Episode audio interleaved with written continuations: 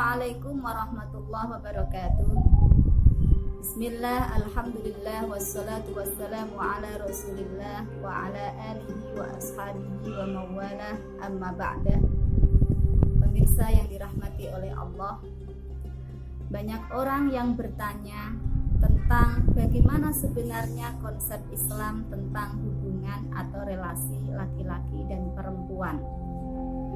Banyak orang yang bingung atau tidak memahami, sehingga sering kali kita mendapatkan atau melihat praktek-praktek di masyarakat yang mendiskreditkan perempuan atau menganggap perempuan sebagai uh, makhluk di bawah laki-laki atau makhluk nomor dua sebenarnya bagaimana sih Islam itu berbicara soal laki-laki dan perempuan?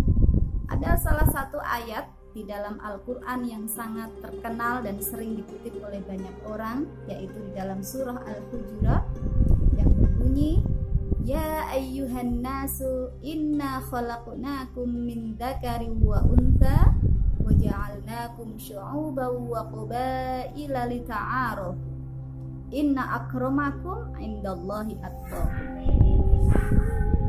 Wahai manusia, sesungguhnya telah aku ciptakan kalian dari laki-laki dan perempuan agar kalian saling mengenal. Sesungguhnya yang paling mulia di sisi Allah adalah yang paling bertakwa di antara kalian. Ayat ini sesungguhnya menegaskan kepada kita bahwa Islam menganggap laki-laki dan perempuan adalah sama-sama makhluk Allah. Sama-sama diciptakan oleh Allah, tidak ada yang lebih baik di antara yang lain kecuali hanya karena ketakwaannya kepada Allah. Ini jelas sekali. Oleh karena itu, kita sebagai perempuan tidak perlu lagi minder atau merasa uh, tidak berani, takut, malu dan seterusnya atau laki-laki merasa semena-mena atau sewenang-wenang memperlakukan perempuan harus sepenuhnya mentaati atau tunduk di bawah kekuasaannya. Nabi dalam salah satu hadisnya juga menunjukkan atau memberikan penjelasan kepada kita bahwa an-nisa'u syaqa'iqur rijal. Perempuan adalah saudara kandung laki-laki kita bisa tahu saudara kandung itu di dalam Sama-sama memiliki tanggung jawab, sama-sama memiliki hak dan kewajiban, mereka harus saling bekerja sama. Ini adalah perumpamaan yang sangat indah di dalam Islam. Nah, laki-laki dan perempuan mestinya juga harus membangun relasi seperti itu. Sehingga tidak ada yang disebut bahwa perempuan itu menjadi makhluk nomor kita tahu ketika Nabi datang membawa risalah Islam, para masyarakat jahiliyah menganggap perempuan sebagai makhluk yang sangat memalukan.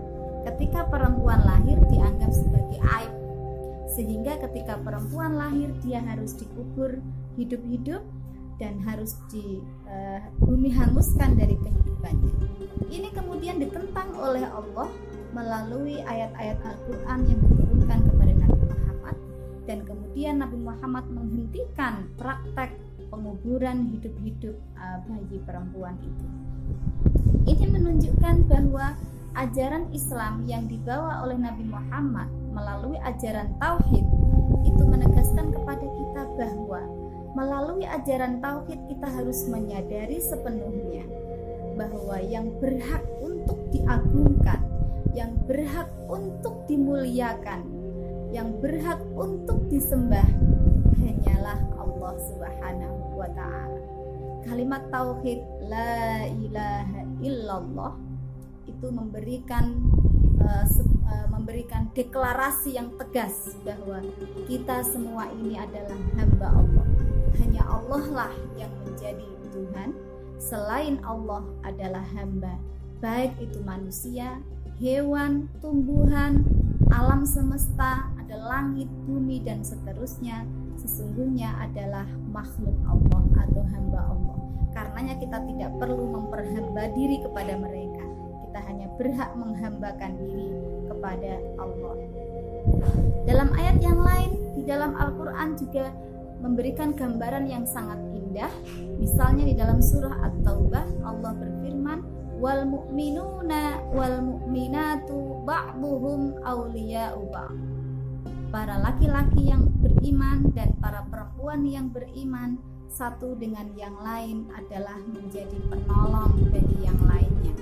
Ini menunjukkan hubungan yang uh, hubungan kesalingan yang ber, uh, yang setara, tidak ada yang lebih baik dan tidak ada yang lebih rendah. Oleh karena itu, uh, ajaran-ajaran semacam ini harus terus-menerus kita uh, praktekkan, harus terus-menerus kita fahamkan kepada masyarakat bahwa Islam tidaklah mengajarkan praktek uh, penindasan terhadap makhluk satu makhluk terhadap yang lain. Bukan hanya laki-laki terhadap perempuan tapi juga manusia terhadap alam semesta.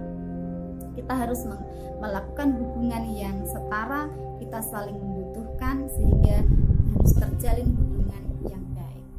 jika hari ini banyak masih masyarakat yang memahami bahwa ada ayat-ayat yang dianggap mendiskreditkan perempuan atau menomorduakan perempuan, ini sebenarnya adalah penafsiran yang kurang tepat. Di dalam Islam itu dikenal ajaran yang disebut dengan tadrij. Jadi turunnya Al-Qur'an, turunnya agama Islam ini itu melalui prinsip tadrij atau pentahapan di dalam pentahapan tentu saja ini menunjukkan atau mengajarkan kepada kita tentang proses yang harus dilalui. Artinya kita melakukan perubahan itu tidak bisa sekali waktu selesai, tetapi harus melalui proses pentahapan e, dari mulai dasar kemudian naik-naik sehingga sampai pada menuju tujuan utamanya. Nah, ayat-ayat semacam itu harus dipahami seperti itu. Jadi, ayat yang masih menunjukkan bahwa perempuan e, seakan-akan di bawah laki-laki atau menjadi separuh dari kemanusiaan laki-laki itu adalah sebenarnya ajaran yang sifatnya tadriji, yang masih antara pada tujuan akhirnya sebenarnya nanti akan mencapai pada tujuan e, kesetaraan bahwa manusia adalah laki-laki dan perempuan sekaligus, tidak ada yang lebih utama dibanding yang lain. Sehingga uh, dengan penafsiran seperti itu kita bisa memberikan uh, atau mengaplikasikan dalam kehidupan nyata dan uh, membangun relasi yang adil terhadap laki-laki dan perempuan sehingga kehidupan kita menjadi kehidupan yang sangat maslahah karena laki-laki dan perempuan esensinya adalah manusia sama-sama memiliki tanggung jawab sebagai khalifah Allah di bumi dan harus menjalankan fungsi beribadah kepada Allah atau ibadatullah dan juga imaratul ardi atau memakmurkan kehidupan di bumi. Nah, tanpa ada kerjasama laki-laki dan perempuan, maka tugas kekhilafahan akan berat sekali.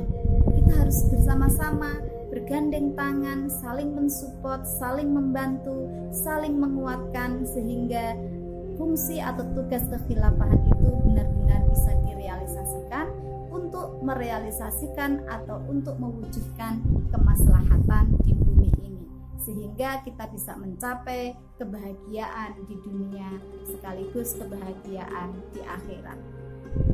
Terima kasih pemirsa yang dirahmati oleh Allah. Sampai ketemu dan akhirul kalam wallahu yarhamuna birahmatihi tammah fid dini wad dunya wal akhirah.